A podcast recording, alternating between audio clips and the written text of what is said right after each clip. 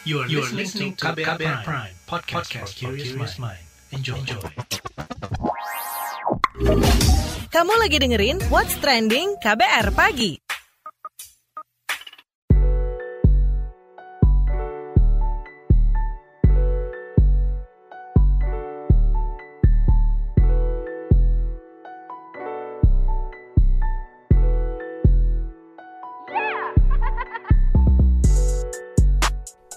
Pagi, siaran pagi radio paling update. Selamat pagi, apa kabar Anda hari ini di hari Jumat 7 Mei 2021? Ketemu lagi dengan saya Don Brady di What's Trending KBR Pagi. Gak berasa ya kita sudah ada di hari Jumat nih, di hari ketujuh di bulan Mei. Jadi beberapa hari ini perhatian publik tertuju pada nasib Komisi Pemberantasan Korupsi atau KPK setelah gugatan uji materi dan uji formil atas Undang-Undang Komisi Pemberantasan Korupsi KPK ditolak oleh Mahkamah Konstitusi Selasa lalu, lembaga anti rasuah itu disorot lantaran beredar sebanyak 75 orang pegawai KPK dinyatakan tidak lulus tes wawasan kebangsaan atau TWK. Jadi TWK ini adalah salah satu dari serangkaian tes seleksi ulang pegawai KPK untuk menjadi aparatur sipil negara atau ASN. Nah, Ketua KPK Firly Bahuri mengatakan bahwa yang tidak memenuhi syarat menjadi ASN terdiri dari penyidik dan penyelidik serta pegawai unit lain. Dia tidak menyebut nama, namun di media sosial beredar daftar nama mereka. Selain Novel Baswedan, ada Ketua Wadah Pegawai KPK Yudi Purnomo Harahap, Direktur Pembinaan Jaringan Kerjasama Antar Komisi dan Instansi KPK Sujanarko, hingga Direktur Pendidikan dan Pelayanan Masyarakat KPK, Giri Suprabdiono.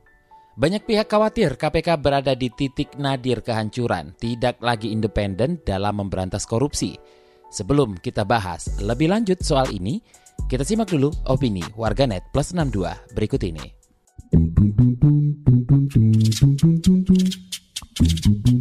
Kita ke komentar at Udin 18 Udin. Saatnya KPK bekerja, BKN gandeng Kemenpan RB bahas status 75 pegawai KPK yang tidak lolos tes wawasan kebangsaan. Lanjut komentar at Mirses Rachel N. Kalau sebanyak seribuan orang lulus, terus 75 orang gak lulus artinya yang 75 emang gak memenuhi syarat banget.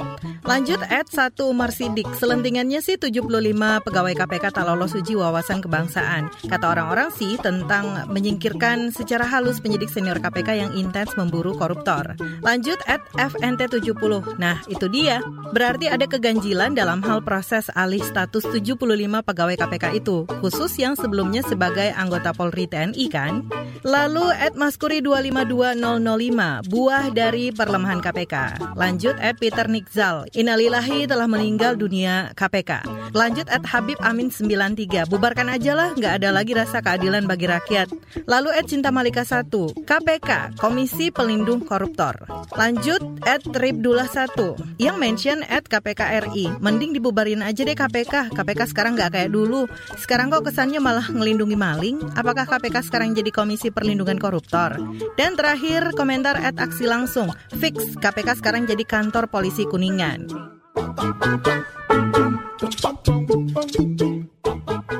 Itu dia tadi opini warganet plus 62. Kita lanjutkan ngobrolin soal KPK berada di titik nadir. Nah, jadi Ketua Wadah Pegawai KPK Yudi Purnomo meminta kejelasan nasib 75 pegawai KPK yang tak lolos tes wawancara kebangsaan. Ini dia penuturannya. Target dari lembaga bahwa 1 Juni itu seluruh pegawai KPK diangkat menjadi ASN. Nah, ini yang menarik gitu. Dan di situ kalau kami membaca itu kan banyak penyidik-penyidik senior KPK yang menjadi kasatgas KPK. Tentu kita sangat mengkhawatirkan jika itu terjadi. Namun kemudian kan pimpinan, kemudian juga tadi juru bicara KPK menyampaikan bahwa itu belum dibuka dan sebagainya. Tapi concern kami adalah jika benar itu nama-nama yang ada, maka tentu pemberantasan korupsi ini akan sangat suram. Kenapa? Karena nama-nama yang ada beredar di situ itu adalah orang-orang penting di KPK. Kita bisa melihat misalnya Bang Novel, kemudian Pak Damanik saya lihat mereka adalah penyidik-penyidik yang tangguh. Kemudian di bidang lain juga ada. Kita melihat di Biro Hukum bagaimana itu para pegawai-pegawai yang berkualitas dan yang berintegritas seperti itu. Nah, jangan sampai ujian ini hasilnya itu menjadi terminate gitu kan. Apa? Karena undang-undang sendiri sudah menyatakan bahwa pegawai KPK hmm. itu langsung diangkat menjadi ASN. Jadi Baik. kalaupun ada tes seperti ini, kami sebelumnya ketika mengikuti ini mengatakan bahwa ini hanya pemetaan gitu kan, bagaimana kualitas, bagaimana ini dan sebagainya. Saat ini nasib 75 pegawai Komisi Pemberantasan Korupsi KPK yang gagal lulus tes wawasan kebangsaan kini bergantung pada hasil koordinasi antar instansi. Instansi yang dimaksud yaitu KPK, Kementerian Pendayagunaan Aparatur Negara dan Badan Kepegawaian Negara. Ketua KPK Firly Bahuri mengatakan, tidak akan memberhentikan 75 pegawai yang gagal lulus TWK selama belum ada penjelasan dari Kemenpan RB dan BKN. Berikut keterangan Ketua KPK Firly Bahuri saat keterangan pers 5 Mei kemarin. Tidak ada kepentingan KPK, apalagi kepentingan pribadi maupun kelompok. Dan tidak ada niat KPK untuk mengusir insan KPK dari lembaga KPK. Kita sama-sama berjuang untuk memberantas korupsi. Tidak pernah ada keputusan KPK yang diambil dengan keputusan individu ataupun karena desakan seseorang. Pimpinan KPK adalah kolektif kolegial. Sehingga seluruh keputusan yang diambil adalah bulat. Pimpinan KPK dan segenap insan KPK ingin memastikan bahwa sampai hari ini semua aktivitas kegiatan pemberantasan korupsi tidak pernah surut dan tidak pernah dilemahkan sampai kapan pun. Terkait dengan 75 orang pegawai yang mengikuti tes wawasan kebangsaan, sekarang tentu untuk 75 nama kami akan sampaikan nanti melalui sekjen setelah surat keputusan keluar. Keretapan 1.274 pegawai yang memenuhi syarat dan ada keretapan 75 orang pegawai yang tidak memenuhi syarat. Dan ada dua orang pegawai yang tidak mengikuti pelaksanaan wawancara. Artinya, mungkin ada juga yang bertanya, kenapa hanya tes wawasan kebangsaan? Sebagai syarat untuk menjadi ASN, sesungguhnya banyak tes yang harus dilakukan. Tetapi pegawai KPK hanya mengikuti tes wawasan kebangsaan. Karena tes yang disebut dengan tes intelek umum, tes karakteristik pribadi, tes kompetensi, tes pengetahuan bidang, itu dianggap pegawai KPK sudah selesai dan sudah lulus. Yang belum adalah tes wawasan kebangsaan. Terkait dengan apakah akan ada pemecatan, saya ingin katakan Sampai hari ini KPK tidak pernah menegaskan dan menyampaikan bahwa ada proses pemecatan. KPK juga tidak pernah berbicara memberhentikan orang tidak hormat. KPK juga tidak pernah berbicara tentang pegawai yang diberhentikan dengan hormat. Tidak ada.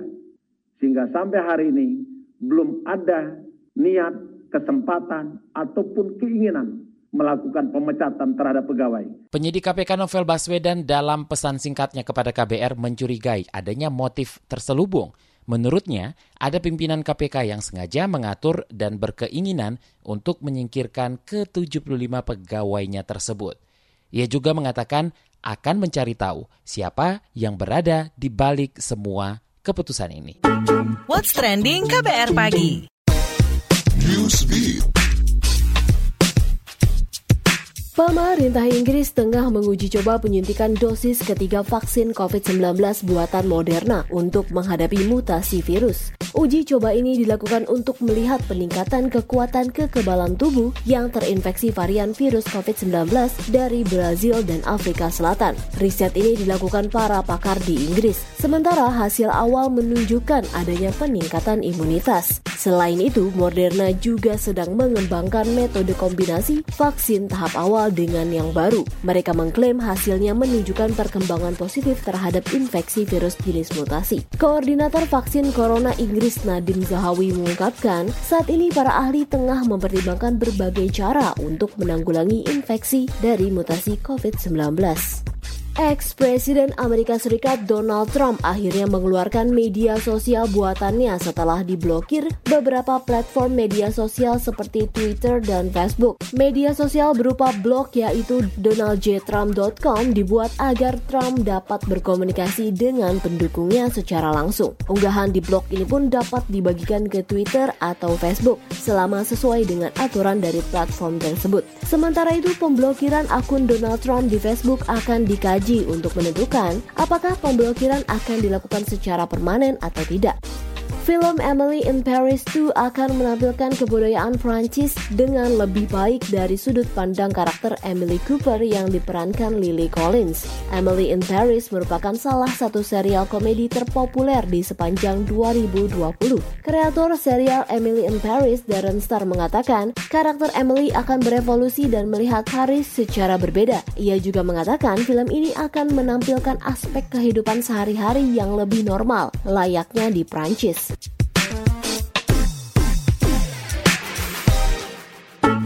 What's Trending KBR Pagi. Selamat pagi buat Anda yang baru saja mendengarkan What's Trending KBR Pagi. Kita lanjutkan ngobrolin KPK berada di titik nadir, masih bersama saya Don Brady. Nah lantas bagaimana tanggapan ex-pimpinan KPK Busiro Mukodas terkait hal ini? Mari kita obrolkan. Oke, Pak, bagaimana nih respon Anda terkait persoalan 75 pegawai KPK yang tak lolos tes wawancara kebangsaan? Pertama saya pribadi sebagai mantan pimpinan sama sekali tidak terkejut dengan perkembangan yang mengerikan ini ya sangat mengerikan ini.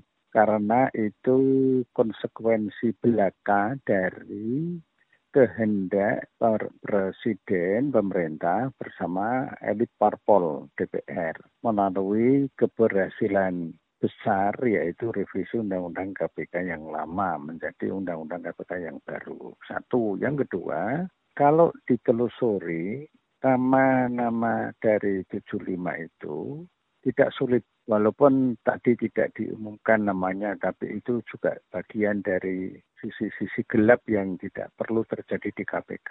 Tapi nanti nama-nama itu akan muncul sendiri. Perhatikan nama-nama itu ketika sedang menangani kasus-kasus skandal-skandal yang muatan politiknya kuat, apa kesimpulannya kalau bukan itu menjadi kehendak dari oligarki politik dan oligarki bisnis untuk menyingkirkan orang-orang yang selama ini menjadi tulang punggung OTT yang berhasil. Memang rezim ini rezim yang betul-betul sudah sulit sekali dipercaya untuk bisa dengan jujur berani tegas dapat dipercaya memberantas penyakit bangsa, penyakit rakyat, penderita yang namanya korupsi itu. Apakah ini bisa diindikasikan sebagai cara pelemahan KPK? Bukan hanya pelemahan, penghancuran. Dengan undang-undang itu KPK itu sudah sebetulnya sudah lumpuh. Dan tes pimpinan KPK yang menghasilkan Firly Bahuri itu kan didahului dengan isu bahwa KPK itu sarang Taliban, sarang militan Taliban. Dan ada bagan yang berkembang juga sarang Taliban itu dikaitkan dengan radikalisme bahkan dengan tokoh-tokoh DI Oke, di mana letak kejanggalannya? Mudahnya ada alat ukurnya. Alat ukurnya dua. Satu, seleksi pimpinan KPK itu melibatkan BNPT. Jadi ada seleksi yang terkait dengan soal radikalisme. Itu kan menjadi faktor yang menarik. Satu sisi ada isu yang kuat sekali, kemudian beredar bagian itu.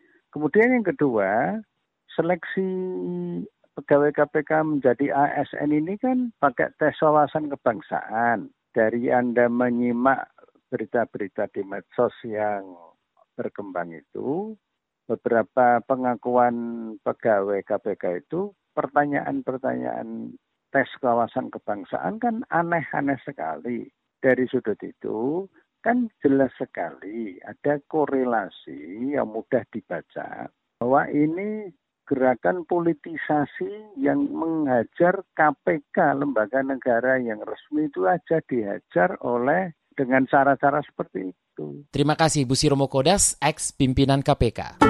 What's trending KBR pagi? Commercial break. Commercial break.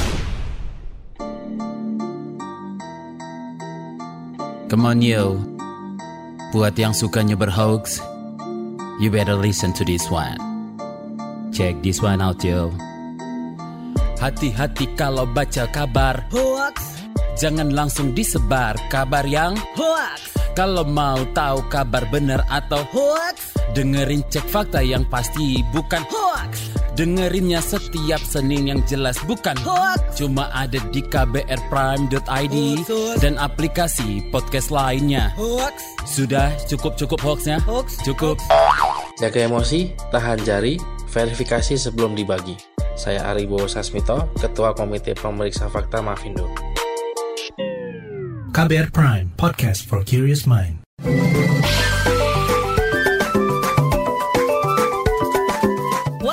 WhatsApp WhatsApp Indonesia kita mulai dari Jawa Tengah. Masyarakat yang akan keluar masuk kota Solo diwajibkan menunjukkan surat izin keluar masuk atau SIKM. Ketua Satgas Penanganan COVID Solo Ahyani mengatakan SIKM berlaku bagi semua warga yang melakukan aktivitas keluar masuk Solo, kecuali untuk kebutuhan kerja dan keadaan darurat atau emergency. SIKM diberlakukan hingga dua pekan mendatang. Solo menyiapkan lima titik posko pemantauan pemudik yang dijaga oleh petugas Satlantas, TNI, Dishub, Satpol PP, dan ada juga dari Dinas Kesehatan. Pemkot Solo mengeluarkan aturan bagi pemudik yang masih nekat pulang pada larangan mudik lebaran 6 Mei akan dikarantina selama lima hari di Solo Technopark atau STP.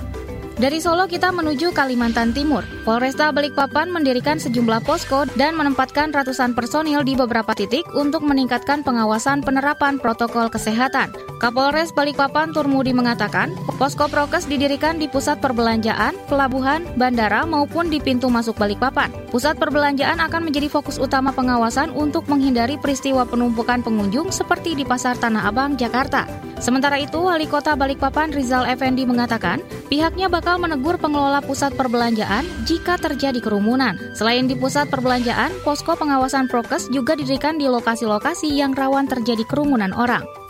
Terakhir kita menuju Tanah Datar, Sumatera Barat. Pemerintah Kabupaten Tanah Datar memastikan tetap dibukanya objek wisata di daerah itu selama libur lebaran tahun ini. Melansir antara news, Kepala Bidang Pariwisata Tanah Datar, Afrison mengatakan pembukaan pariwisata akan dilakukan dengan penerapan protokol kesehatan yang ketat. Pembukaan ini diharapkan akan mendorong pemulihan ekonomi masyarakat setempat, sebab pembukaan objek pariwisata sesuai dengan program pemerintah pusat terkait pemulihan ekonomi di tengah kenormalan baru. Ia juga memastikan setiap objek objek wisata akan diawasi oleh petugas gabungan pengaman COVID-19. Namun, pembukaan tidak diiringi dengan pembatasan pengunjung lokal ataupun perantau. Demikian WhatsApp Indonesia hari ini. What's Trending KBR Pagi. Masih di What's Trending KBR Pagi, untuk di segmen terakhir kita akan putarkan podcast Al-Quran dalam Jelajah Arkeologi. Episode kali ini kita akan mendengarkan soal para pencari harta karun. Podcast ini disadur dari buku Arkeologi Al-Quran karya Dr. Ali Akbar.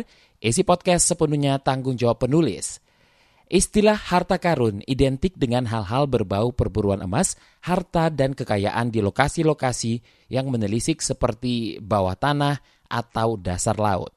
Bahkan mungkin ada yang terobsesi dengan pencarian harta karun. Di episode sebelumnya kita pernah membahas soal penemuan mumi Tutankhamun dan harta bendanya di Valley of the Kings yang disebut-sebut salah satu kisah penemuan harta karun terbesar di dunia. Tapi benarkah itu yang terbesar? Apakah harta dari karun benar-benar sudah ditemukan? Langsung saja kita dengarkan selengkapnya.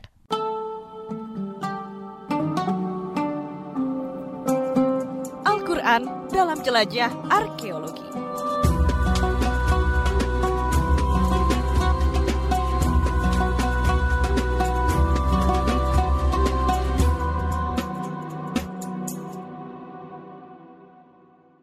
Assalamualaikum warahmatullahi wabarakatuh.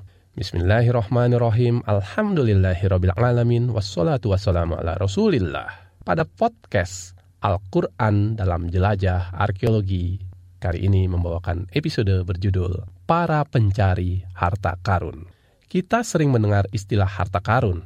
Orang kadang tidak sengaja menemukan barang atau benda berharga di dalam tanah atau di dasar perairan seperti di dasar laut ada juga yang serius menelisik lokasi, menyiapkan ekspedisi, dan menginvestasikan materi sehingga pencarian harta karun pun menjadi obsesi.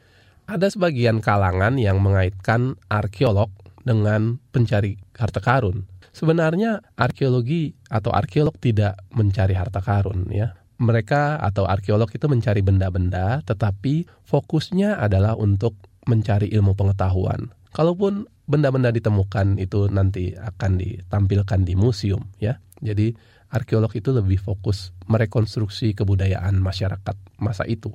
Nah, jika kita membuka-buka Al-Qur'an ya, istilah harta karun secara bahasa dapat berarti harta milik karun. Jika mengacu Al-Qur'an terdapat nama karun disebut dalam beberapa ayat. Penulisannya tergantung pedoman transliterasi.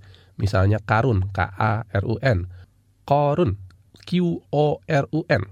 Mengingat Al-Quran tergolong tidak banyak menyebut nama, maka penyebutan nama karun tentu mengandung sesuatu yang penting. Karun bahkan dikisahkan tersendiri, misalnya dalam surat Al-Qasas, surat ke-28 ayat 76 sampai 82. Cukup banyak ini ya. Karun awalnya orang beriman dan mengikuti Nabi Musa. Belakangan karena hartanya berlimpah, ia merasa bangga diri. Karun juga berlaku zalim terhadap kaum Musa ia tidak menggunakan hartanya sesuai ketentuan Allah. Harta karun berlimpah ruah. Ia menyimpannya di suatu tempat. Tempatnya dikunci dan kunci-kuncinya sangat berat. Sehingga ketika dipikul mesti oleh orang yang kuat. Ibnu Abbas sebagaimana dikutip oleh para ahli tafsir menyebut kunci-kunci harta karun mesti dibawa oleh 40 lelaki yang kuat. Pada saat saya ke Mesir dan melihat piramida, melihat kuil-kuil itu ada pintunya. Nah, pintunya besar, kuncinya juga besar ya dan berat sekali. Kaumnya telah berkata kepada Karun sebagaimana termuat dalam surat Al-Qasas ayat 77. Janganlah kamu terlalu bangga, sesungguhnya Allah tidak menyukai orang-orang yang terlalu membanggakan diri.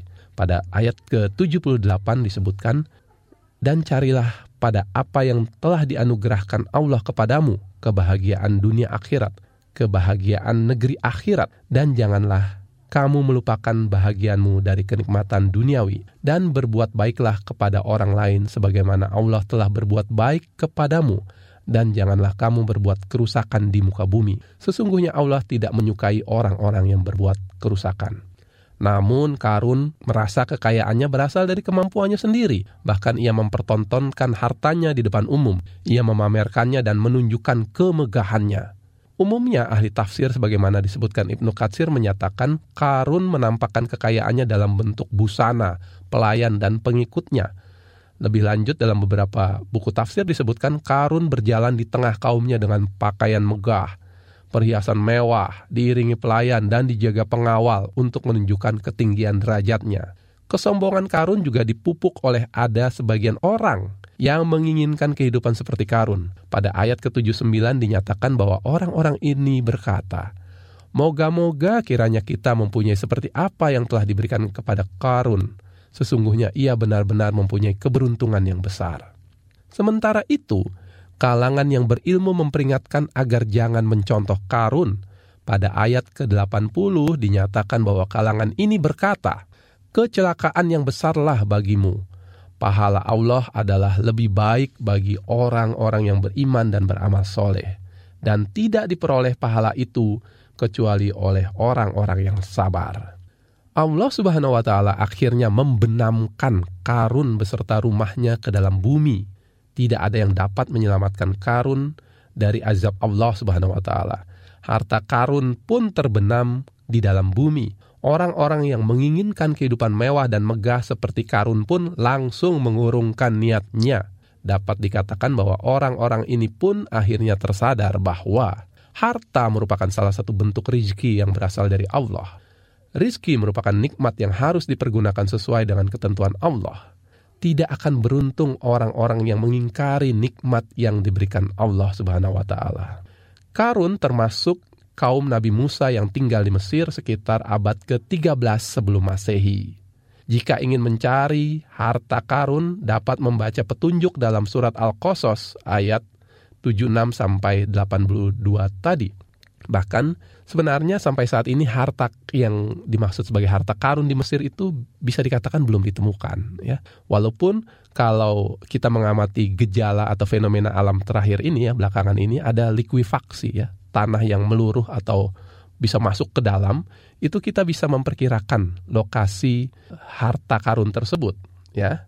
Tapi jika kita membaca Al-Quran secara seksama tadi, ya, maka saat membaca dan memahaminya, tampaklah bahwa penekanan bukan pada aspek lokasi, penekanan bukan pada aspek benda materi. Seseorang dapat dikatakan telah memperoleh harta karun apabila telah dapat mengambil pelajaran dari kisah harta karun.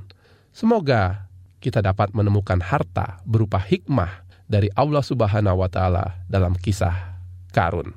Wallahu a'lam. Assalamualaikum warahmatullahi wabarakatuh.